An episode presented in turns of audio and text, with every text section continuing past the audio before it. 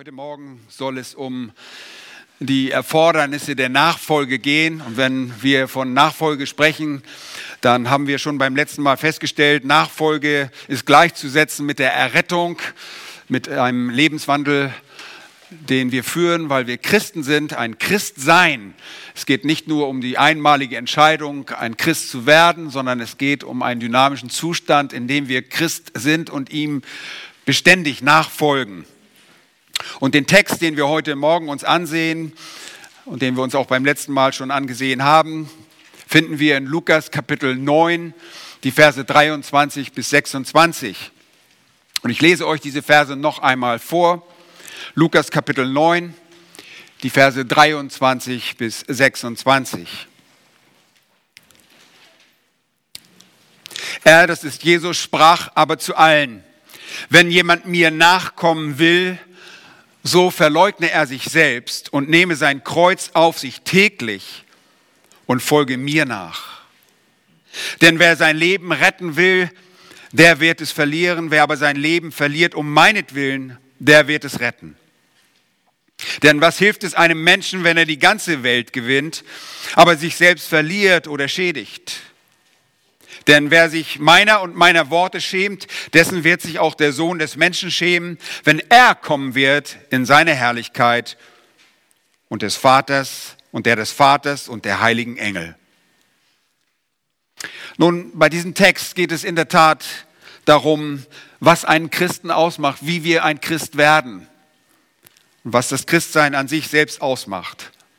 Lieben, wir haben in den vergangenen Jahrzehnten oftmals, und das trifft auch auf mich zu, unter falscher Lehre gesessen, unter einer Lehre, die oberflächlich war, die zum Christsein aufgerufen hat zu einer, als eine Entscheidung, die man in fünf Minuten treffen kann, indem man sich einfach für Jesus entscheidet und sagt, ja, ich möchte, dass du mein Retter bist. Natürlich möchte ich nicht in die ewige Verdammnis gehen. Ja, ich möchte ein ewiges Leben haben. Und so hat man das Evangelium reduziert auf ein paar wenige Punkte und hat es annehmbar gemacht. Man hat es äh, gesellschaftsfähig gemacht. Das Evangelium wurde verwässert, es wurde vereinfacht. Und wir haben das geschluckt. Und wir haben es teilweise so weitergegeben und auch unsere Theologie wurde oberflächlich. Wir haben uns durch diese Bewegung beeinflussen lassen. Eine Theologie, bei der Rechtfertigung und Heiligung getrennt wurden, in der man nicht mehr unterscheiden konnte. Man hatte Angst vor Gesetzeswerken und hat das alles in einen Topf geworfen mit Glaubenswerken. Man konnte nicht mehr unterscheiden. Und so verdammt man jeden, der heute sagt, komm zu Christus und sei ihm gehorsam. Es gibt immer noch Kreise, die das strikt auseinanderhalten und aus diesen zwei Dingen zwei Dinge, unabhängige Dinge voneinander machen. Nun, das ist nicht so. Die Bibel lehrt es anders. Jesus sagt, wenn jemand mir nachkommen will, das ist eine Einladung zum Evangelium. Jesus sagt, wenn ihr meine wahren Anhänger sein wollt, dann verlange ich einiges, dann erwarte ich einiges und es gibt Erfordernisse, die ihr erfüllen müsst. Sonst könnt ihr einfach nicht meine Jünger sein, sonst könnt ihr nicht gerettet sein. Hier geht es nicht darum, bei einem Aufruf in die Nachfolge, dass eure Bedürfnisse gestillt werden, das, was ihr alles haben möchtet, dass eure eigenen Ambitionen, eure Hoffnungen wahr werden, eure Wünsche und Träume und eure Pläne sich alle erfüllen, sondern das Gegenteil ist der Fall, dass ihr sagt Nein zu euch selbst, zu euren eigenen Ambitionen und Träumen. Hier geht es darum, sich von Jesus wirklich so ausliefern, Jesus, sich an Jesus so auszuliefern, wie er es sagt und den Erfordernissen, die er uns gibt, gerecht zu werden. Hier geht es nicht um Befriedigung, sondern hier geht es um Opfer. Und hier herrscht ein gewisses Maß an Verzweiflung, wenn wir diesen Text uns anschauen. Und diesen Text wollen wir uns anschauen unter dem Titel Erfordernisse der Nachfolge. Drei davon wollen wir uns heute sehr genau, etwas genauer anschauen. Ähm, diese Serie wird noch ein paar weitere Predigten anhalten. Aber heute wollen wir uns drei dieser Erfordernisse der Nachfolge anschauen, des Christseins anschauen. Wenn ihr Jesus nachfolgen wollt, dann hört sehr gut zu. Die erste, das, erste äh, das erste Erfordernis ist die Selbstverleugnung, die Selbstaufgabe. Ich habe dieses Wort da konstruiert auf euren Zetteln. Selbst-Aufgabe. Wir geben unser Selbst auf. Man kann das auch zusammenschreiben natürlich. Die Selbstverleugnung, die Selbstaufgabe, das ist in diesem Text, den ich gerade gelesen habe, ein sehr starker Ausdruck, der so viel bedeutet wie, dass man nichts mehr mit sich zu tun haben will. Ihr müsst euch selbst ablehnen. Ihr wollt mit eurem Sein nichts mehr zu tun haben. Und das Wort wird verwendet, um jemanden zu beschreiben, dass man mit jemandem etwas nicht mehr zu tun haben möchte. Ihr müsst euch selbst weigern, mit euch selbst etwas zu tun haben zu wollen. Das ist extrem, oder? Sehr extrem. Und das wird verwendet, um die Gesellschaft von jemandem abzulehnen, dessen Gesellschaft ihr buchstäblich einfach nicht mehr wollt, sodass ihr vor Christus kommt. Und das Erste, was ihr dann sagt, ist, ich kann es nicht länger ertragen, mit mir selbst assoziiert zu sein. Ich habe mit mir selbst abgeschlossen. Ich will nichts mehr mit mir, mit meinem eigenen Leben zu tun haben. Ihr Lieben, so tief geht es. Es ist nicht, ich mag mein Leben und ich mag meine Welt und ich mag die Richtung, in die ich gebe. Aber Jesus, du könntest mir auch ein bisschen helfen, dass ich schneller meine eigenen persönlichen Ziele und Wünsche und Träume erfüllen könnte. Ihr Lieben, darum geht es nicht. Es geht darum, dass du sagst, ich habe genug von dem, was ich bin. Mein natürliches und verdorbenes, ohnmächtiges, sündhaftes Ego hängt mir einfach zum Halse heraus. Darum geht es. Es geht darum, mit euch selbst nichts mehr zu tun haben zu wollen. Und es geht darum, nie wieder mit euch selbst und der Art, wie ihr seid, assoziiert zu werden. Ich habe einfach genug von mir. Ich hänge mir selbst zum Halsrau. Ich will nichts mehr mit mir zu tun haben. Ich habe alles Erdenkliche versucht, um etwas aus meinem Leben zu machen und ich kann es nicht. Ich bin überwältigt von meinem eigenen Versagen. Ich bin überwältigt von meiner Enttäuschung. Ich bin überwältigt von Leere. Ich bin überwältigt, hört gut zu, von meiner eigenen Sündhaftigkeit. Ihr Lieben, das ist, was wahre Bekehrung mit sich bringt. Das Herz sieht in sich selbst nur die Sünde, nur Ohnmacht. Es sieht unser Versagen, es sieht unsere Unwürdigkeit und strebt danach, errettet zu werden. Und es legt keine Bedingung fest. Ich bin in einer so verzweifelten Lage, sagt, sagt ihr euch. Ich bin einfach so am Ende. Sagt mir einfach, was ich tun soll. Das ist das gebrochene Herz. Das Ich wird total abgelegt. Deshalb die Selbstaufgabe. Wir geben uns selbst auf. Ihr gebt all eure Abhängigkeit von euch selbst auf, all euer Vertrauen auf euch selbst, alle Zuversicht. Und zwar alle Zuversicht in das, was ihr von Natur aus seid. Ihr gebt absolut alles auf. Das ist wie der Mann, der alles verkaufte, um die Perle zu kaufen. Und die Perle ist Christus. Und der Mann, der den kostbaren Schatz im Feld kaufte, verkaufte alles, um diesen einen Schatz zu kaufen. Er gab buchstäblich einfach alles auf, weil Christus ihm so kostbar war. Nun, es bedeutet eigentlich, ans eigene Ende zu kommen. Und das ist der Punkt, an dem wir als Menschen gerettet werden können. Und wir gerettet werden, wenn wir wirklich errettet werden wollen. Wenn wir dieses glasklare Verständnis bekommen, wenn wir unsere geistliche, eigene geistliche Verzweiflung erkennen. Nun schlagt einmal bitte mit mir Philippa Kapitel 3 auf. Wir beschäftigen uns seit einigen Wochen mit dem Leben des Apostel Paulus. Und da gibt es dieses wunderbare Beispiel des Apostel Paulus, eine wunderbare Illustration dessen, worüber wir hier reden. dieser Selbstverleugnung. Und der Apostel Paulus ist die Illustration und ihr seht in einem Bericht seiner Bekehrung dort, was in seinem Inneren geschieht. Äh, die äußerlichen Ereignisse findet ihr wo? In der Apostelgeschichte Kapitel 9, auf, dem, auf der Straße nach Damaskus. Aber hier in Kapitel 3 sehen wir, was im Inneren von Paulus vor sich geht. Das ist das Werk, das Gott in seinem Leben vollbracht hatte und es ist eine sehr gute Illustration, um an das eigene Ende zu kommen.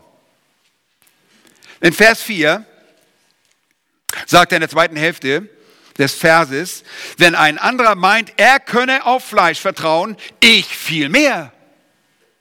Wenn ihr über Errungenschaften reden wollt, eure weltlichen, natürlichen Errungenschaften, wenn ihr über Leistungen reden wollt, dann schaut, dann bin ich das Supermodell, dann bin ich der Prototyp, ich habe mehr erreicht als jeder andere. Und zu jener Zeit ist Paulus in der römischen Haft, in seiner ersten römischen Haft und er hat viel schon erreicht in seinem Leben und aber er geht zurück und greift zurück auf seinen natürlichen, seine Herkunft. Er sagt, ich bin beschnitten am achten Tag. So wurde es ganz genau im Alten Testament vorgeschrieben. Er war aus dem Geschlecht Israel, er gehörte dem richtigen Volk an und auch einem wunderbaren Stamm, dem Stamm, einem vorzüglichen Stamm, dem Stamm Benjamin. Er war ein Hebräer von Hebräern und damit war er koscher. Das sagt er im Prinzip und er hielt sich an alle Traditionen bis in das kleinste Detail. Er war ein Eiferer für das Gesetz. Er war als derjenige, der am Gesetz ausgebildet, ein Pharisäer. Er war wirklich übereifrig. Und diese Pharisäer waren äh, wirklich gesetzlich, sie waren legalistisch, sie waren ähm, Extremisten.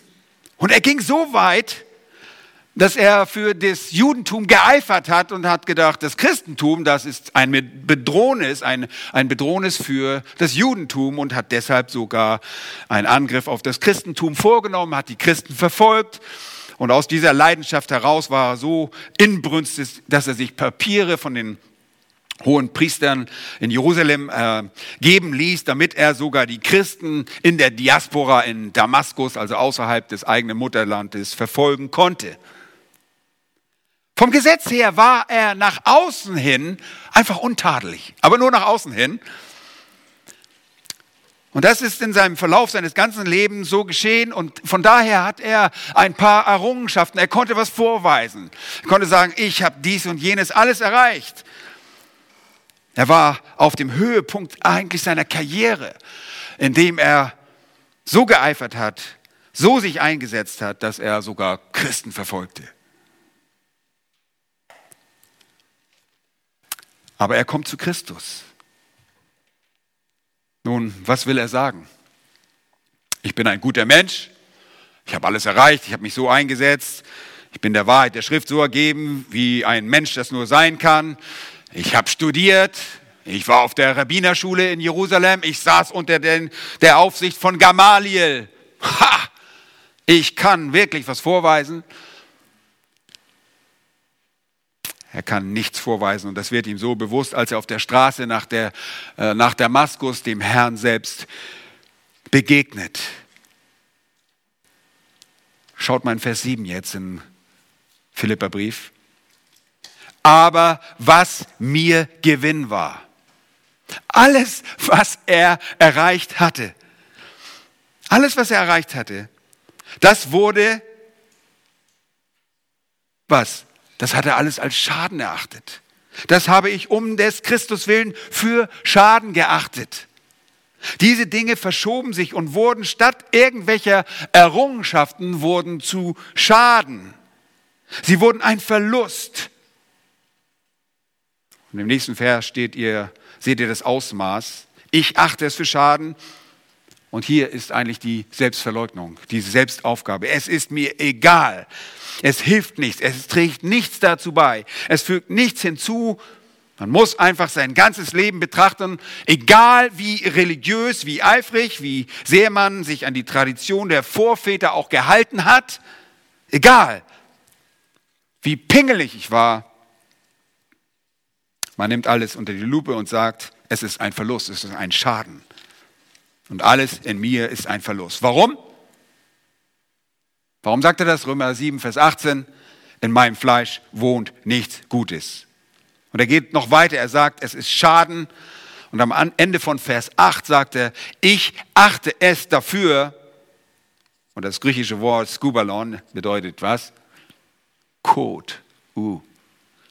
So achtet er es. Er achtet es für Kot. Als ich aber Christus sah, habe ich alles aufgegeben. Ihr Lieben, das war Paulus. Und das ist der einzige Weg, wirklich der einzige Weg, zu Christus zu kommen. Nun, für euch ist es vielleicht nicht Religion und auch Selbstgerechtigkeit, sondern vielleicht eure Unmoral, euer Betrug, eure Lügen, euer Stehlen oder andere Formen der Korruption, was auch immer. Vielleicht seid ihr einfach nur innerlich erfüllt von euren eigenen Vorstellungen, gewisse Dinge im Leben erreichen zu müssen, damit man ein gewisses Maß an Selbstachtung erreicht, was immer das sein mag. Ihr kommt zu Christus und das Erste, was ihr erkennen müsst, ist, dass das den Tod eures Egos bedeutet, eurer Hoffnung, eurer Träume, eurer Ambitionen, eurer Wünsche bedeutet. Es geht im Leben nicht darum, all diese kleinen Dinge zu erfüllen. Es geht einfach nicht darum. Es geht nicht darum, das, was ihr wollt, sondern es geht darum, dass ihr euch selbst sterbt und dass ihr euch in den Tod gebt, den Tod eures Egos, euch selbst aufgebt. Und alle äußeren Errungenschaften gelten nichts. Alle Abzeichen können wir abnehmen.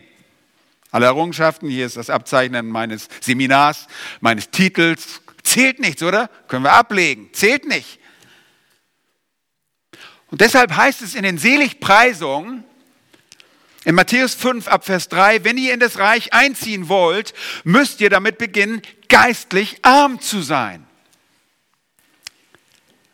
Versteht das Wort geistlich arm, bitte richtig. Hier geht es nicht darum, ihr müsst nicht das Geld weggeben, ihr sollt geistlich arm werden. Das bedeutet, geistlich bankrott zu sein.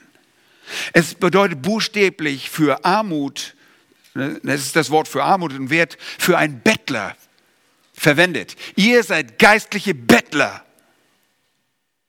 Es bedeutet nicht, dass man nur ein wenig hat, sondern dass man nichts hat. Und das bedeutet, dass man nichts verdienen kann, dass man absolut mittellos ist im geistlichen Sinne.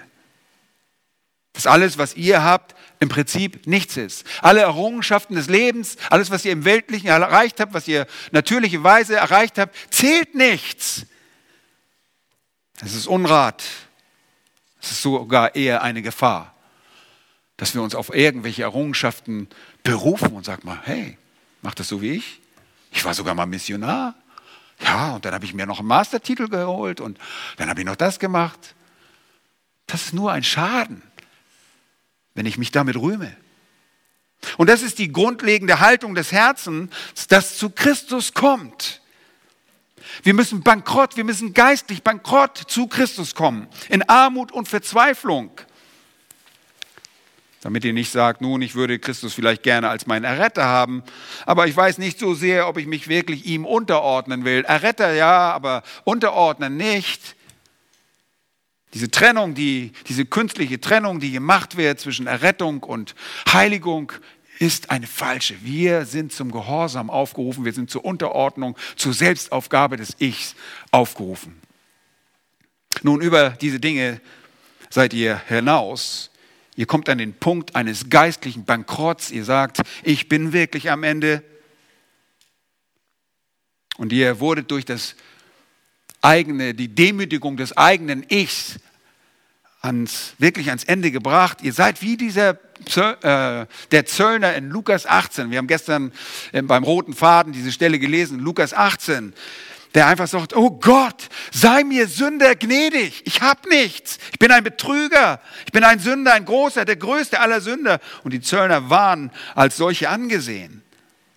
Ihr kommt in geistliche Armut, ihr kommt sanftmütig und ihr kommt voller Trauer über eure eigene Sündhaftigkeit, wie es in den Seligpreisungen heißt. Ihr kommt hungrig und durstig nach Gerechtigkeit. Und ihr gebt keine Bedingungen vor. Ihr kommt in dem Wissen, wie verzweifelt ihr seid und wie verdammt ihr seid. Wisst ihr, was dann passiert? Und dann versteht ihr auf einmal, wie kostbar seine Vergebung ist, wie großherzig das Geschenk des ewigen Lebens ist. Aus diesem Tod kommt das Leben. Und wenn wir kommen wie David, wie es im Psalm 34, Vers 19 ausdrückt, da heißt es, Jahwe ist nahe denen, die zerbrochenen Herzens sind. Und er hilft denen, die zerschlagenen Geistes sind. Er hilft nicht denjenigen, die auf dem hohen Ross daherstolzieren. Ihr seid am Ende eures eigenen Egos, wenn euer Geist buchstäblich zerschlagen wurde. Ihr Lieben, wir hören nur sehr wenige Predigten, die beabsichtigen, die Menschen zu diesem Punkt zu bringen, wo sie zerschlagen sind. Im Psalm 51, Vers 19 sagt David, die Opfer, die Gott gefallen, sind ein zerbrochener Geist. Ein zerbrochenes und zerschlagenes Herz wirst du, o oh Gott, nicht verachten. Gott sucht nach dem Zerschlagenen. Er sucht nach dem Zerbrochenen.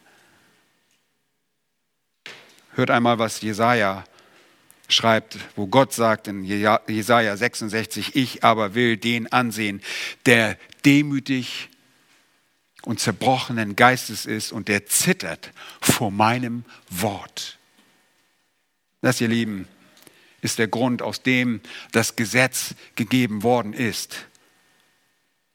Das ist der Grund, warum die Bergpredigt gehalten wurde. Das Gesetz wurde gegeben, damit es die Menschen zerschlagen würde. Es wurde nicht gegeben als Maßstab, anhand derer Menschen einfach gerettet werden und sagen, ja, ich muss das alles genau erfüllen, dann werde ich genau gerettet werden. Nein, es wurde als Maßstab gegeben, anhand derer die Menschen ihren geistlichen Bankrott erkennen können. Und wenn ihr versucht, das Gesetz einzuhalten, dann stellt ihr sehr schnell fest, ihr könnt es nicht, denn das Gesetz tötet, wie Paulus sagt. Und deshalb ist es euch auch so wichtig, dass wir auch das Gesetz verkünden, wenn wir das Evangelium verkündigen. Das Gesetz muss den Sünder töten. Du musst erkennen, ich schaffe es nicht. Ich bin des Todes schuldig. Es muss tot sein. Der Sünder muss tot sein, bevor er lebendig sein kann. Und deshalb müssen wir diese Realitäten betonen, wenn wir das Evangelium verkünden, damit wir nichts zu dieser Oberflächlichkeit und noch mehr Namenschristentum beitragen. Nun, das Gesetz wurde gegeben, damit es als ein vernichtender Schlag auf den Kopf des Sünders fungieren würde. Denn als solche, die wir das Gesetz nicht einhalten, sind wir des Todes würdig, sind wir verdammt. Und ihr wisst aus Jakobus 2 heißt es, wenn man das Gesetz in einem Gebot verletzt, ist man des gesamten Gesetzes schuldig. Das Gesetz zerschlägt uns. Und das ist auch der Grund, warum die Bergpredigt wahrscheinlich vom Heiligen Geist zu Beginn des Neuen Testaments gleich an den Anfang gesetzt worden ist. Dort wurde es platziert und ihr wurdet zur Bergpredigt geführt. Und was tut diese Bergpredigt? Sie gibt euch das Gesetz und erklärt die Tiefe des Gesetzes, dass es also nicht nur darum geht, nicht nur nicht zu töten, sondern auch darum, nicht zu hassen. Das ist dieselbe Sache bei Gott. Es geht nicht nur darum, dass ihr keinen Ehebruch begeht, rein physisch, sondern darum, dass ihr das nicht einmal in eurem Herzen vollzieht. Das ist vor Gott ein und dieselbe Sache. Und das Gesetz wird wiederholt und Jesus setzt die Leute dem Gesetz aus und er sagt, ihr haltet das Gesetz nicht nur oberflächlich nicht ein, sondern auch nicht auf einer tieferen Ebene. Ihr seid des Verstoßes gegen das Gesetz absolut schuldig. Und zwar jeder. Wir haben das gelesen. Römer 3 oder Psalm 14. Da ist nicht einer, der Gutes tut. Wir sind alle des Gesetzes schuldig, wir sind alle des Todes würdig. Und deshalb behaupten auch wir, dass man das Evangelium nicht einmal versteht, bis man das Gesetz verstanden hat, die Ansprüche Gottes verstanden hat, die absoluten Maßstab. Wir müssen heilig sein, wie Gott heilig ist. Und wenn wir das nicht sein können, sind wir des Todes würdig. Und deshalb kann Predigten und deshalb können unsere Predigten auch nicht irgendeine Marketingstrategie sein, dass sich Menschen irgendwie dazu entscheiden, diesen liebenden Jesus anzunehmen, der alle deine Wünsche erfüllt. Nun, das Gesetz ist eine zerschmetternde, verheerende Erfahrung, in der der Sünder, welcher vor das Gesetz gebracht wird, entweder gegen das Werk des Gesetzes rebelliert oder zu seiner Sünde zurückkehrt und sich dann so weit wie möglich vom Kontakt mit dem Gesetz Gottes entfernen will. Oder oder der Sünder wird was? Er wird zerschlagen. Er wird erschlagen und erkennt an diesem Punkt seinen geistlichen Bankrott und wendet sich in, dieser, in diesem zerbrochenen Zustand, in diesem zerbrochenen Herzen an den lebendigen Gott und sagt, Herr, sei mir Sünder gnädig, erbarme dich. Und genau an diesem Punkt, wo er das tut, führt er dann mehr keine Verhandlung mehr, der Sünder sagt nicht, naja, das möchte ich haben und das will ich nicht aus deinem Wort, sondern er sagt, Herr, ich tue, was du willst. Er begreift seine Armut und er erkennt, dass er nichts in seinem Leben hat, um sich Gott zu empfehlen. Nichts von all dem, was er selbst erreicht hat, ist von Wert. Er setzt sich der Barmherzigkeit Gottes aus. Nun, das ist die Einstellung. Er akzeptiert Christus zu seinen Bedingungen, nicht den eigenen Bedingungen. Nun, im Gegensatz dazu will der hochmütige Sünder Christus und sein eigenes Vergnügen. Der möchte eigentlich beides kombinieren. Der hochmütige Sünder will Christus und seine eigene Habgier. Der hochmütige, hochmütige Sünder möchte Christus und er möchte seine Sittenlosigkeit. Aber der zerbrochene Sünder ist so verzweifelt, dass er bereit ist, alles aufzugeben, um nur Christus zu haben. Nur um Vergebung und das ewige Leben zu haben. Thomas Watson, der puritanische Prediger aus dem 17. Jahrhundert und Autor, ich glaube, er ist auch ein Liedermacher gewesen, er schreibt einmal in seinem wunderbaren Buch der, über die Seligpreisung folgendes, Zitat Anfang. Eine Festung, die seit langem belagert wird und kurz vor der Eroberung steht, wird sich zu jeglichen Bedingungen ergeben, um ihr Leben zu retten.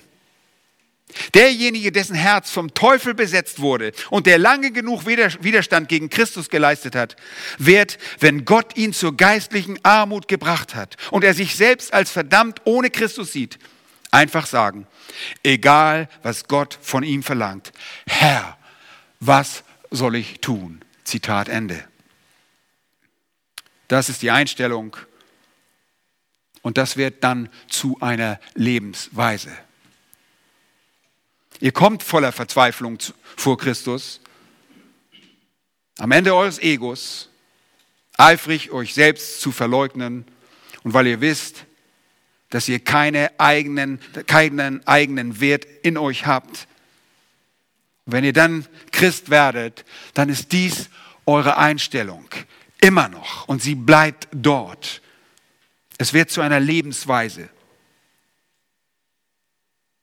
Nun, wenn ihr in der Kenntnis Gottes wächst, in der Kenntnis Christi, wachsen die Wurzeln der Selbstverleugnung weiter nach unten. Wurzeln wachsen ja nicht in die Luft, sie wachsen nach unten. Und das kann man sich so vorstellen, dass Wachstum in Gnade ein Wachstum auch nach unten ist. Wachstum nach unten. Bei eurem Wachstum in Gnade erhaltet ihr eine kontinuierliche geringe, kontinuierlich geringer werdende Meinung über euch selbst. Es ist nicht so, dass ihr sagt, oh, mit der Zeit, oh, jetzt bin ich jemand. Jetzt bin ich wirklich jemand sondern das Gegenteil ist wahr. Ihr werdet sagen, nein, ich bin niemand. Und ihr könnt die geistliche Reife eines Menschen ziemlich leicht feststellen. Wachstum in Gnade erfolgt nach unten. Sie beinhaltet eine Entwicklung einer geringeren Selbstachtung. Es ist eine sich verstärkende Erkenntnis unserer Bedeutungslosigkeit. Es ist eine von Herzen empfundene, zunehmende Erkenntnis, dass wir vollkommen unwürdig sind. Das ist die Wahrheit. Und je länger ich Christ bin, je mehr erkenne ich, dass ich gar nichts für den Herrn tue. Absolut nichts. Nicht nur tue ich nichts für den Herrn, ich kann nichts für ihn tun. Aber das größere Wunder ist, dass er dennoch uns gewählt hat, um etwas durch uns zu tun. Das verstehe ich auch nicht. Aber so ist es. Als neubekehrter Christ macht ihr eine Entwicklung durch und sagt, ja, ich will etwas für den Herrn tun. Ja, man, man hat den Eindruck, jetzt werde ich was für ihn leisten. Gut, dass er mich gerettet hat. Ja. Und dann werdet ihr über die Jahre reifer und sagt, Gott, wie kommt es, dass du dich überhaupt in deiner Gnade für mich entschieden hast? dass ich überhaupt dein Kind sein kann, dass ich überhaupt irgendetwas für dich tun darf. Leben Demut ist ein Beweis der geistlichen Reife einer Person. Denn wenn ihr zu diesen Bedingungen zu Christus kommt, dann wachst ihr an diesem Punkt, an diesem Zeitpunkt einfach weiter nach unten. Die Wurzeln strecken sie nach unten aus. Und ihr dachtet, ihr werdet zum Zeitpunkt eurer Bekehrung schon demütig, doch wenn ihr schon lange mit dem Herrn wandelt, solltet ihr weiter unten sein, als ihr es zum Zeitpunkt eurer Bekehrung wart. Und ihr versteht dann hoffentlich im Laufe eures geistlichen Wachstums immer mehr, wie, wie tiefschürfend, wie, wie grausam unsere eigene Sündhaftigkeit ist. Ihr habt begriffen, dass die Sünde ein Teil von euch ist und auch bleibt und Wunder über Wunder, der Herr hat sich entschieden, Dinge durch euch zu tun. Und das wird dann diese Selbstaufgabe, diese Selbstverleugnung wird zu eurer Lebensweise. Was bedeutet das als Christ? Nun, hier sind ein paar praktische Dinge, an denen ihr erkennen könnt, wie es bei euch mit der Selbstverleugnung aussieht. aussieht und wie es, wie es da um euch steht. Als Beispiel. Wenn euch zum Beispiel nicht vergeben wird, wenn ihr vernachlässigt oder sogar absichtlich nicht beachtet werdet, kommt ja mal vor, dass ihr nicht beachtet werdet, ihr einfach übergangen werdet, keiner sieht euch und lässt euch einfach links oder rechts stehen und ihr seid ganz verletzt durch diese Beleidigung oder das Versehen, dass euer Herz dann trotzdem glücklich ist und dass ihr zufrieden seid und euch als würdig erachtet seht, um für Christus zu leiden. Das ist, Christ, das ist Selbstverleugnung, Selbstaufgabe. Oder wenn eure guten Werke schlecht gemacht werden, wenn man euren Wünschen einen Streich oder einen Strich durch die Rechnung macht, wenn euer Rat einfach nicht beachtet wird, ja, ihr denkt, ihr habt den besten Rat, den ihr geben könnt und alle ignorieren diesen Rat. Ja, kommt schon mal vor, ne? Manchmal haben wir auch zu hohe Meinung von uns selbst. Aber wenn eure Meinungen einfach lächerlich gemacht werden und ihr euch weigert, wütend zu werden und euch nicht einmal verteidigt, sondern alles geduldig ertragt in, einfach, in einer loyalen Stille, das ist Selbstverleugnung. Oder wie ist damit? Wenn ihr liebevoll und geduldig jede Störung ertragt, jede Unregelmäßigkeit, jede Verärgerung, Verärgern euch Leute manchmal? Oh, auf jeden Fall. Und wenn ihr Torheit, Extravaganz und geistlicher Kaltschnäuzigkeit ins Angesicht sehen könnt und das ertragen könnt, wie Jesus das ertragen hat, das ist Selbstverleugnung. Oder wie ist es damit? Wenn ihr mit jedem Essen zufrieden seid, dass euch eure Frau auf den Tisch. Äh, äh, äh, nehmen wir mal ein anderes Beispiel. Mit jeder Gabe oder mit jeder Art von Kleidung, mit jedem Klima, jeder Gesellschaft, mit jeder Einsamkeit, jeder Art von Einsamkeit oder Unterbrechung durch den Willen Gottes, das ist Selbstverleugnung. Oder wenn es euch nie interessiert, auf euch selbst aufmerksam zu machen oder eure guten Werke zu verzeichnen oder irgendwie das Lob zu suchen. Ja, man fragt, warum sagt der nicht irgendwas Gutes über mich? Ja? wenn ihr wirklich Gott liebt und wenn ihr weiter liebt und wenn ihr dann einfach bereit seid, unbekannt zu bleiben, das ist Selbstverleugnung. Oder wie ist es damit, wenn ihr einen anderen vorankommen seht, dessen Bedürfnisse gestillt werden? Wenn ihr euch aufrichtig im Geist mit ihm oder mit ihr freuen könnt, ohne Neid zu empfinden, ohne Gott anzuzweifeln? Wenn ihr euch mit jemandem freuen kann, der sein eigenes Haus fertiggestellt hat, während du in der Platte eingesperrt bist und du am liebsten auch raus möchtest und einfach mitfreuen kannst, das ist Selbstverleugnung.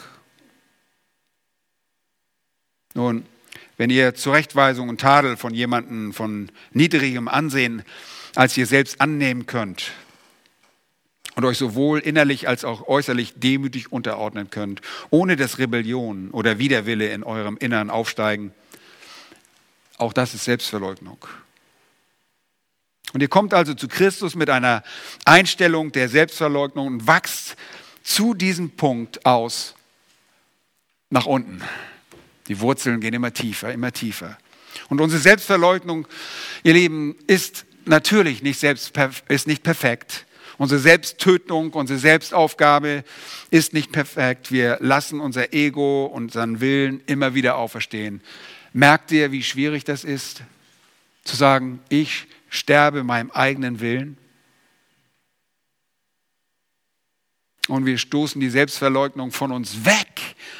Und wir mischen uns in den Willen Gottes ein. Und deshalb müssen wir seine Gnade und Vergebung suchen. Nun, wenn das der tiefste Wunsch und das, der, der aufrichtigste Wunsch und das Verlangen deines Herzens ist, dann ist es Selbstverleugnung. Wenn du möchtest, dass du zurücktrittst und der Herr in den Vordergrund, dann ist es Selbstverleugnung. Und das wollen wir. Es geht nicht mehr um uns, es geht um den Herrn. Und das ist das erste Erfordernis. Das zweite Element, das zweite Erfordernis von diesen dreien ist, dass wir das Kreuz aufnehmen. Jesus sagt nicht nur, dass ihr euch selbst verleugnen müsst, sondern fügt noch hinzu, und nehme sein Kreuz auf. Täglich. Jeder, der mir nachfolgen will, muss täglich sein Kreuz aufnehmen.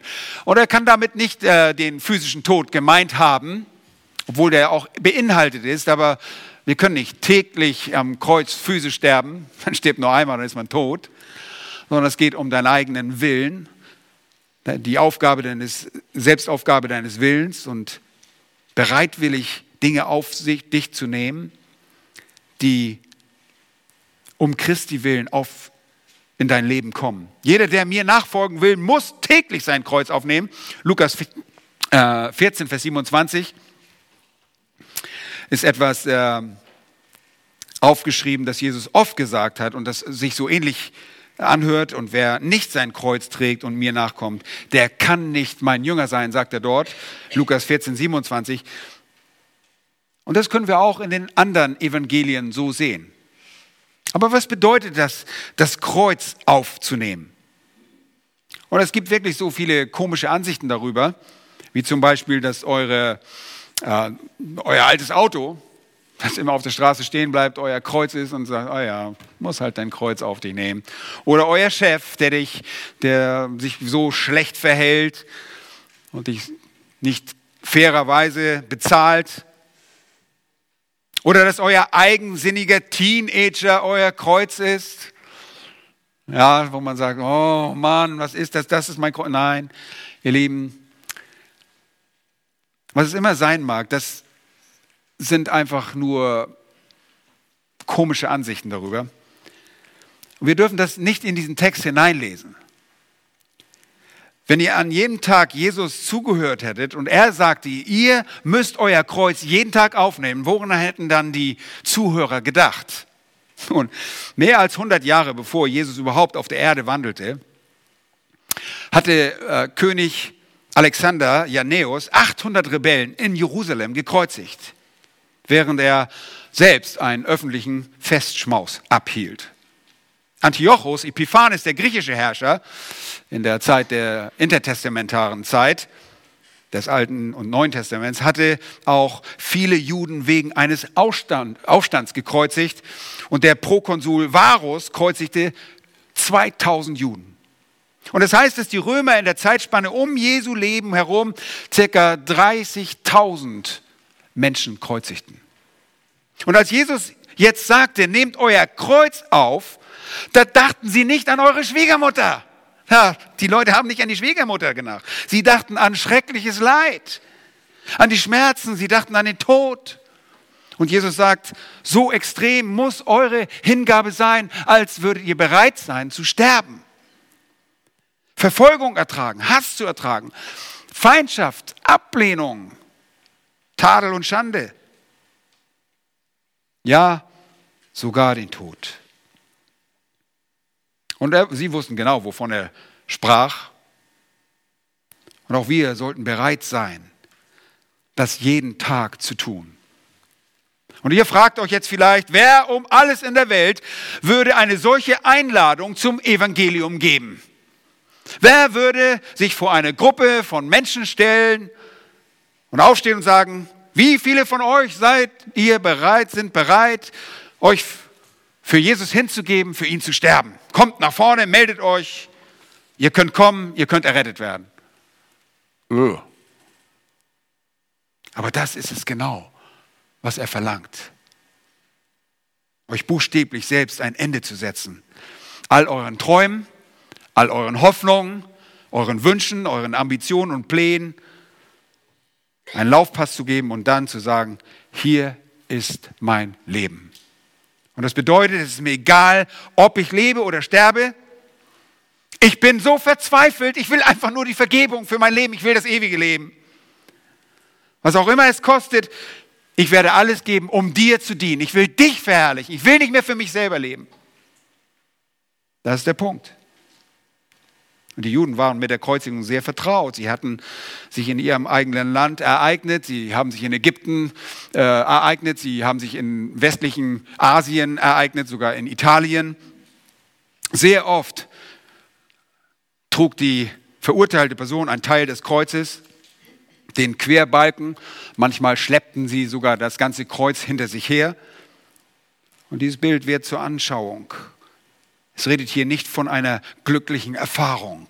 Wenn du zu Jesus kommst, dass er alles glücklich macht und dass er dich reich macht und dass er dich überschüttet mit allen Reichtümern der Welt. Es ist nicht. Und er hat einen wunderbaren Plan für dich, in dem er alle deine Wünsche erfüllt. Das ist nicht das Evangelium. Es geht darum, ein Kreuz zu tragen, das Kreuz, auf dem ihr selbst vielleicht hingerichtet werdet. Es gibt hier es geht hier nicht darum, auf irgendeine Art und Weise sich nur mit dem äh, Tod Jesu zu identifizieren, sondern die Botschaft lautet, ihr werdet möglicherweise leiden müssen, um mir nachzufolgen. Und Jesus sagte, seid nicht überrascht, wenn die Welt euch hasst, sie haben mich gehasst.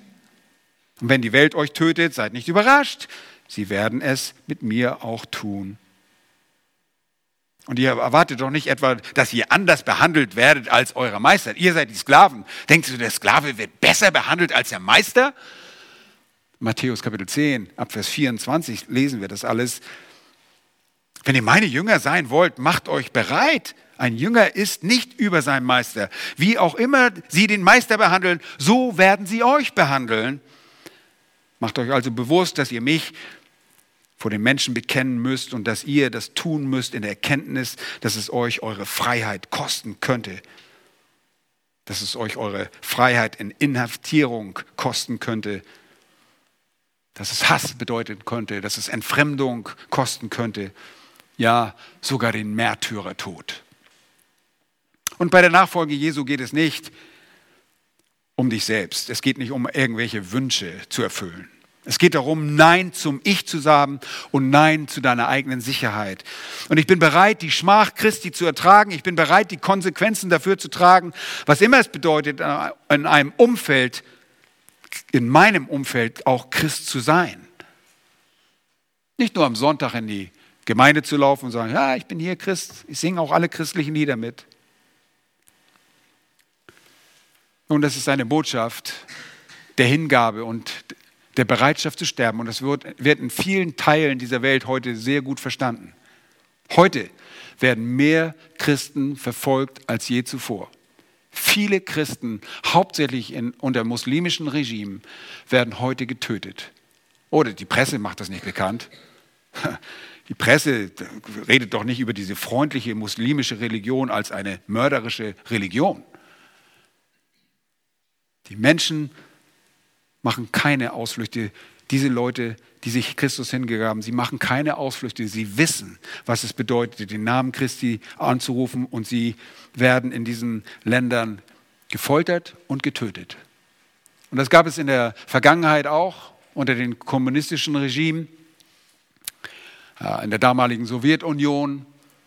Ich habe viele Leute kennengelernt, die inhaftiert waren, um Christi willen den man Vätern aus der Familie hinausgenommen hat und sie ins Gefängnis, über Jahre ins Gefängnis gesteckt hat. Aber das Evangelium war so kostbar für sie, dass sie gesagt haben, wir wollen das Evangelium, wir wollen die Erlesung, wir wollen Christus dienen, wir wollen für Christus da sein, egal was es uns kostet. Und sie haben eine gute Rechnung eingestellt, denn es ist sehr einfach zu berechnen, was ist wertvoller. Ein Leben ein kurzes Leben. Wie sagt Paul, äh, Jakobus, euer Leben ist wie ein Dampf, kommt und geht, gegen eine ganze Ewigkeit. Ich meine, wir brauchen keine höhere Mathematik dazu, um das herauszufinden, was wertvoller ist. Die Einstellung, die zu wahrer Bekehrung führt, ist die, die besagt, dass Jesus alles wert ist, was immer es sein mag. Und es gibt nichts, absolut nichts in diesem irdischen Leben, das sich auch nur annähernd mit dem Wert dessen, was ewig ist, vergleichen lässt. Leben, das ist das Evangelium. Und die Einladung lautet nicht, Jesus will euch glücklich und gesund und wohlhabend machen. Das ist eine Lüge. Paulus sagt, wer ein anderes Evangelium äh, predigt als das, das er empfangen hat, der sei verflucht. In Apostelgeschichte 20 sagt Paulus zu den Ältesten in Ephesus, jetzt reise ich nach Jerusalem, ohne zu wissen, was mir dort begegnen wird, außer dass der Heilige Geist mir sagt, so kleine Nebenbemerkung, außer dass mir der Heilige Geist gesagt hat, dass Fesseln und Bedrängnis auf mich warten. Seht ihr, er achtet das nicht. Mein Leben ist mir auch nicht selbst teuer, sagt er. Für mich zählt mein Leben nicht. Und das ist Selbstverleugnung. Es ist mir nicht wirklich wichtig. Es geht nicht um mein Leben. Dann sagt er im Philipperbrief, denn Christus ist mein Leben und Sterben ist mein Gewinn. Dann sagt er, ich bin mit Christus gekreuzigt, nun lebe ich, aber nicht mehr ich, sondern Christus lebt in mir. Was ich aber jetzt im Fleisch lebe, das lebe ich im Glauben an den Sohn Gottes, der mich geliebt und sich selbst für mich hingegeben hat. Galater 2,20. Und Paulus sagt also, ich lebe nicht länger, er lebt. Wenn ich lebe, lebe ich für den Herrn. Wenn ich sterbe, sterbe ich für den Herrn. Ihr Lieben, das ist es. Das sind die Bedingungen, das ist, sind die Erfordernisse der Nachfolge. Alles andere ist kein Evangelium. Lassen wir uns nicht täuschen. Die Welt ist feindselig ihm gegenüber. Sie werden mir gegenüber feindselig sein, sagt er. Und er sagt das in Matthäus 10, ihr könnt es nachlesen, wunderbare Verse, Verse 24 bis 38, das ist ein öffentliches Bekenntnis von Christus als Herrn und Retter. Und das mag seinen Preis haben, aber es ist auch der Beweis der Aufrichtigkeit. Es mag mich meine Familie kosten oder die Mitglieder meiner Familie mögen entzweit werden, aber Jesus sagte, es sei, er sei gekommen, um das Schwert zu bringen. Ich habe keine eigenen Interessen, die größer sind als mein Bedürfnis nach Christus. Und ich hoffe, ihr versteht das. Ich habe keine eigenen Interessen. Ich habe keine eigenen Ambitionen, die größer sind als mein verzweifeltes Bedürfnis nach der Erlösung Christus und Christus zu dienen. Und wenn ich jeden Tag sterben muss, dann ist das in Ordnung. Das ist ein kleiner Preis, denn die Leiden dieser Welt fallen nicht ins Gewicht im Vergleich zu der Herrlichkeit, die mich in Christus erwartet. Paulus sagt es sogar im ersten Korintherbrief, Kapitel 15, Vers 31, ich sterbe täglich. Und er wachte jeden Tag auf und wusste, heute könnte das Ende meines Lebens sein. Er hatte nur die Zusage, dass er vor Könige treten sollte. Und der Herr wollte ihn noch ein bisschen länger gebrauchen. So schnell war das nicht mit seinem Tod, aber er war immer bereit. Wurde gesteinigt, steht wieder auf, geht zurück in die Stadt, in der er gesteinigt wurde, war immer bereit, für Christus alles zu geben. Irgendwo lauerte ein Hinterhalt auf ihn und er wusste, er musste immer bereit sein. Er lebte immer an der Schwelle des Todes, Tag für Tag. Nun, nicht alles Leid ist ein Kreuz. Das Kreuz besteht darin, die Schmach, Schmach Christi zu erleiden. Das Kreuz besteht darin, für das Evangelium zu leiden. Ihr seid bereit, für das Evangelium zu leiden. Nun, wirklich, wenn, wenn ihr mit einer Krankheit lebt, dann ist das wirklich nicht euer Kreuz. Aber ich sage euch mal, was ein Beispiel ist. Ja, ich weiß, viele von uns wollen gerne heiraten und äh, Leute, nehmen wir das mal auf. Hier, hier, eins, zwei, drei, ja. Wir sind hier in der Bibelgemeinde Berlin und wir haben hier tolle, ledige Leute. Und wunderbare Leute. Und die könnten alle heiraten. Ja. Sie könnten sagen, weißt du was, ich finde hier keinen gläubigen Partner, aber ich könnte ausbrechen, ich könnte sofort in die Welt gehen und heiraten. sofort, kein Problem. Aber das Kreuz auf sich zu nehmen, um Christi willen ist, sage ich, ich breche nicht aus. Ich bleibe da, bis Gott mir den Partner gibt, den ich haben soll. Und wenn ich keinen bekomme, wenn meine Wünsche nicht erfüllt werden, diene ich ihm trotzdem freudig von ganzem Herzen. Das ist das Kreuz auf sich zu nehmen. Das ist bereit zu sein zu leiden. Ich weiß, dass es für einige ein großes Leid bedeutet. Wenn man gerne heiraten möchte, man kann es nicht oder man möchte und da ist niemand da. Nun, ohne Kreuz gibt es keine Krone. Ohne die Bereitschaft, unter dem Willen Gottes zu bleiben, gibt es keine Krone. Wenn ihr also zu Christus kommt und dann müsst ihr bereit sein zu sagen, ewiges Leben, das künftige Leben, die Vergebung der Sünden und was Gott für mich im Himmel bereitet hat, ist mir so kostbar und so wertvoll. Und ich bin es so leid, so zu sein, wie ich bin, dass ich bereit bin, alles aufzugeben, was ich habe. Nichts ist von Wert. Und ich bin bereit, falls nötig, die ganze Schmach Jesu Christi zu ertragen, koste es es wolle, was es wolle auch wenn es mich das Leben kosten sollte. Und das war es, was Jesus gesagt hat. Das Kreuz bedeutet auch, dass du an deinem Arbeitsplatz vielleicht schlechtere Bedingungen bekommst, wenn du das Zeugnis abgibst, dass du ein Christ bist. Wenn du nicht betrügst, wenn du nicht beim Steuerbetrug mitmachst oder Versicherungsbetrug mitmachst und dadurch einfach schlecht behandelt wirst, an den Rand gedrängt wirst. Nun, das hier ist also eine ernste Aufforderung. Das Kreuz ist ein Symbol der Bereitschaft, alles zu akzeptieren. Das Kreuz ist ein Symbol des wahren Jüngers. Ihr nehmt euer Kreuz auf und tut das täglich. Das ist euer auf, äh, Alltag. Ein Autor einer Hymne schrieb einmal, muss Jesus tragen das Kreuz allein und die ganze Welt kommt davon? Nein, es gibt ein Kreuz für jedermann. Es gibt ein Kreuz für mich. Ich werde das geweihte Kreuz tragen, bis der Tod mich erlöst. Und dann gehe ich heim, um meine Krone zu tragen, denn eine Krone wartet auf mich. Zitat Ende. Ihr seht also auf euer Leben und sagt, ach, weißt du was, es ist mir egal, was mir für mein Leben wichtig ist. Ich bin dankbar für das Leben, das der Herr mir gegeben hat. Ich bin sogar noch dankbarer für den Tod. Leute gucken dich manchmal an. Was hast du gerade gesagt? Du bist noch dankbarer für den Tod? Ja. Der Tod ist der Schritt in das nächste Leben. Was immer es ist, was immer es kostet, was immer auch ich von mir aufgeben muss, ich gebe es bereitwillig auf, weil ich am Ende meiner selbst angekommen bin und ich festgestellt habe, dass ich keinen Wert in mir habe. Ich rufe nach Rettung wie ein Ertrinkender, der nicht diskutiert und sagt, ah, nimm diesen Rettungsring da drüben, sondern der sagt, hey, hol mich hier raus, ich mache alles, was du sagst. Und ihr Lieben, es gibt ein drittes Erfordernis und das ist sehr wichtig in unserem Wandel als Kinder Gottes und die Bereitschaft muss bereits schon da sein, wenn wir auf die Knie gehen bei der Bekehrung. Und das ist, wenn Jesus sagt, folge mir nach, buchstäblich lass ihn mir nachfolgen. Und das Gehorsam. Es ist ein kontinuierliches Muster des Gehorsam, das erforderlich ist. Ja, und viele haben Angst davor, wenn man das so predigt. Oh, das ist ja eine Werkgerechtigkeit. Nein, das hat nichts mit Werk, das hat was mit Glaubenswerken zu tun. Wenn du gläubig wirst, dann wirst du gläubig sein und wirst dich bereitwillig dem Wort Gottes unterordnen, dass du gehorsam sein willst. Und das muss dir vorher gesagt werden. Du gehst hin, wo ich hingehe, du gehst dahin, wo ich sage, du tust, was ich dir befehle, du tust, was ich tue. Wisst ihr, Matthäus Kapitel 7 ist diese Frage des Gehorsams, die Frage des Tuns, der Kern der Bergpredigt. Matthäus 7, 21, die Verse, die wir hier oft anführen, anführen, ist, gerade das, nicht jeder, der zu mir sagt, Herr, Herr, wird in das Reich der Himmel eingehen, sondern wer den Willen meines Vaters im Himmel tut. Seht ihr,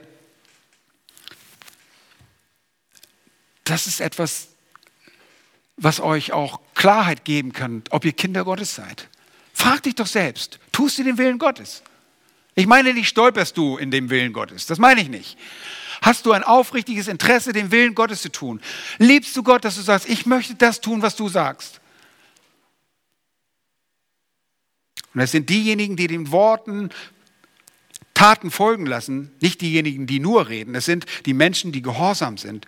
Und das Johannesevangelium ist gerade voll davon, mit derartigen Betonungen, wo Jesus darüber redet, dass wahrer Glaube, wahrer errettender Glaube durch Gehorsam demonstriert wird. Johannes 14, 21. Nur ein Beispiel.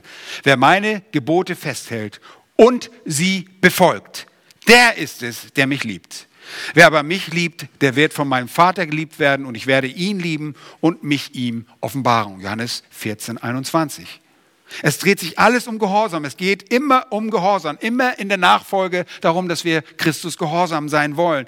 Und die Herrschaft Christi, Jesus als Herrn anzuerkennen, denn das ist er. Er ist ein Herr. Ich kann nicht sagen, oh, oh Jesus, ich mache mal eine Zweiteilung aus dir, du bist Retter und Herr. Ich nehme nur die eine Hälfte von dir, nimm mal ein Ziermesser und schneiden dich durch. Ich nehme die eine Hälfte, nehme ich von dir an. Nein, wir nehmen ihn als Herrn und Retter, beides. Und wenn wir sagen, du bist mein Herr, dann tun wir, was er gesagt hat. In Johannes 15, Vers 10 heißt es, wenn ihr meine Gebote haltet, so bleibt ihr in meiner Liebe. Und wenn es, wenn es nicht tut, dann seid ihr nicht in der Liebe Gottes. In Kapitel 15 im Johannes Evangelium heißt es Vers 14, ihr seid meine Freunde, wenn ihr tut, was ich euch gebiete. Wenn ihr tut. Und es gibt noch viele, viele andere Bibelstellen. Ihr kommt also zu Jesus und sagt, ich bin am Ende meiner selbst angelangt. Okay? Übrigens, äh, diese Bemerkung höre ich oft. Leute, die nicht im Glauben stehen, die fangen an, die Bibel zu lesen und sagen, oh, ich schlage die Bibel auf und ich sehe immer nur, ich bin ein Sünder. Sehr gut. Ziel erreicht. Das musst du erkennen. Du musst sehen, du bist völliger Versager. Das haben wir alle erkannt. Und wenn nicht, sind wir nicht gläubig. Wir müssen dahin kommen. Ich bin am Ende meiner selbst angelangt und jetzt gebe ich dir mein Leben, was immer es kosten möge, zeige mir, was ich tun soll. Ist euch mal aufgefallen, das ist genau das, was Paulus gesagt hat. Herr, was soll ich tun? Im Hauskreis habe ich darauf schon Wert gelegt. In Apostelgeschichte Kapitel 22 und Vers 10 berichtet Paulus von seiner Bekehrung auf der Straße nach Damaskus. Und er hat als erstes gesagt, Herr, was soll ich tun? Er hat nicht gesagt, Herr, nun mach mich mal schnell wieder sehend, jetzt hast du mich blind gemacht äh, Erfordernisse habe ich auch oder Bedingungen habe ich, dass du mich als mein, äh, du kennst mich ja, was ich alles gelernt habe. Der stellt nicht seine Bedingungen, sondern er sagt gleich, Herr, was willst du, dass ich tun soll? Und das ist die richtige Einstellung. Was soll ich jetzt tun? Ich bin bereit, für dich zu sterben, für dich zu leben. Ich will dir nachfolgen. Was soll ich tun? Und mit dieser Einstellung seid ihr in einer Position, in der ihr euch dem Herrn Unterordnung ordnet. Und das dreht sich alles um Unterordnung. Es ist ein Muster der Selbstaufgabe. Und das ist ein Muster der Selbstverleugnung, des Kreuzes aufnehmens, der Kreuzaufnahme. Wir nehmen das Kreuz auf und sagen, okay, um Christi willen, ich erleide das bereitwillig. Und es ist ein Muster des Gehorsams, des loyalen Gehorsams. Aber hört gut zu. Und ich sage nicht, dass ihr von Gott akzeptiert zu werden irgendwie das von alleine tun müsst, das alles alleine ins Rollen bringt und euch für eine kurze Zeit einfach nur verleugnen müsst und dann den nächsten Schritt tut in der Bereitschaft, euer Leben hinzugeben oder sogar zu opfern. Nein. Dann später vielleicht nochmal gehorsam werdet. Das wird heute leider so gemacht. In vielen Evangelisationsveranstaltungen wird gesagt, hey, Jesus ist für dich gestorben. Du bist ein Sünder. Nimm ihn an. Okay, und später, irgendwann wirst du auch mal dich selbst verleugnen. Irgendwann wirst du auch mal gehorsam werden. Es gehört alles zusammen. Die Bibel lehrt, dass es zusammengehört. Es ist nicht chronologisch zu verstehen hier, dass wir sagen, erst Selbstverleugnung und als zweiten Schritt nehmen wir das Kreuz auf uns und wenn ihr dann mal so weit seid, wenn ihr erwachsen geworden seid oder wenn ihr älter geworden seid, dann wirst du vielleicht auch gehorsam und dann bist du gehorsam. Es geht nicht darum. Es ist nicht chronologisch zu verstehen und es ist auch nicht so dass ihr nur das alles in eigener Kraft aufbringt, das könnt ihr nicht, sondern wir werfen uns ganz auf ihn selbst. Nun, wenn ihr also auszieht, um das Evangelium zu verkünden und euch denkt, ach Mensch, wer soll das nur alles glauben, was ich da jetzt verkündige? Und ihr denkt, das wird mir keiner abnehmen, Womit rechnet ihr dann nicht? Mit dem Heiligen Geist. Wenn du ein Christ bist, wenn du ein Kind Gottes bist, was bildest du dir ein? Was bilden wir uns ein? Dass er aus dir selbst einen Christ machen konnte und deinem Gegenüber nicht? Was bilden wir uns eigentlich ein, wer wir sind? Er kann jeden retten. Wir müssen mit dieser Klarheit verkündigen. Niemand der auf sich allein gestellt ist, könnte das Evangelium je annehmen. Die Bedingungen, die wir fordern, sind viel zu groß. Wir können das nie. Deshalb kommt uns wer zur Hilfe? Der Heilige Geist. Er hilft uns, diese Dinge zu glauben, anzunehmen und auch die Bereitschaft, dass wir unser Leben hingeben, dass wir uns selbst verleugnen, uns selbst sterben und das Kreuz aufnehmen und gehorsam sein wollen. Wollt ihr Christus nachfolgen? Nun, dann verabschiedet euch von eurem eigenen Ego. Nehmt euer Kreuz auf, beginnt damit, alles zu tun, was er von euch verlangt. Das sind die Erfordernisse der Nachfolge. Und wenn ihr festgestellt habt, und das stellt ihr wieder, immer wieder fest, dass dieses alte Ich auferstehen will und immer wieder regieren will, was ist dann erforderlich? Auf die Knie zu gehen und sagen, Herr, nicht ich, Vergib mir, dass ich schon wieder die Kontrolle, das Steuer schon wieder selbst in die Hand genommen habe. Du sollst mein Leben regieren.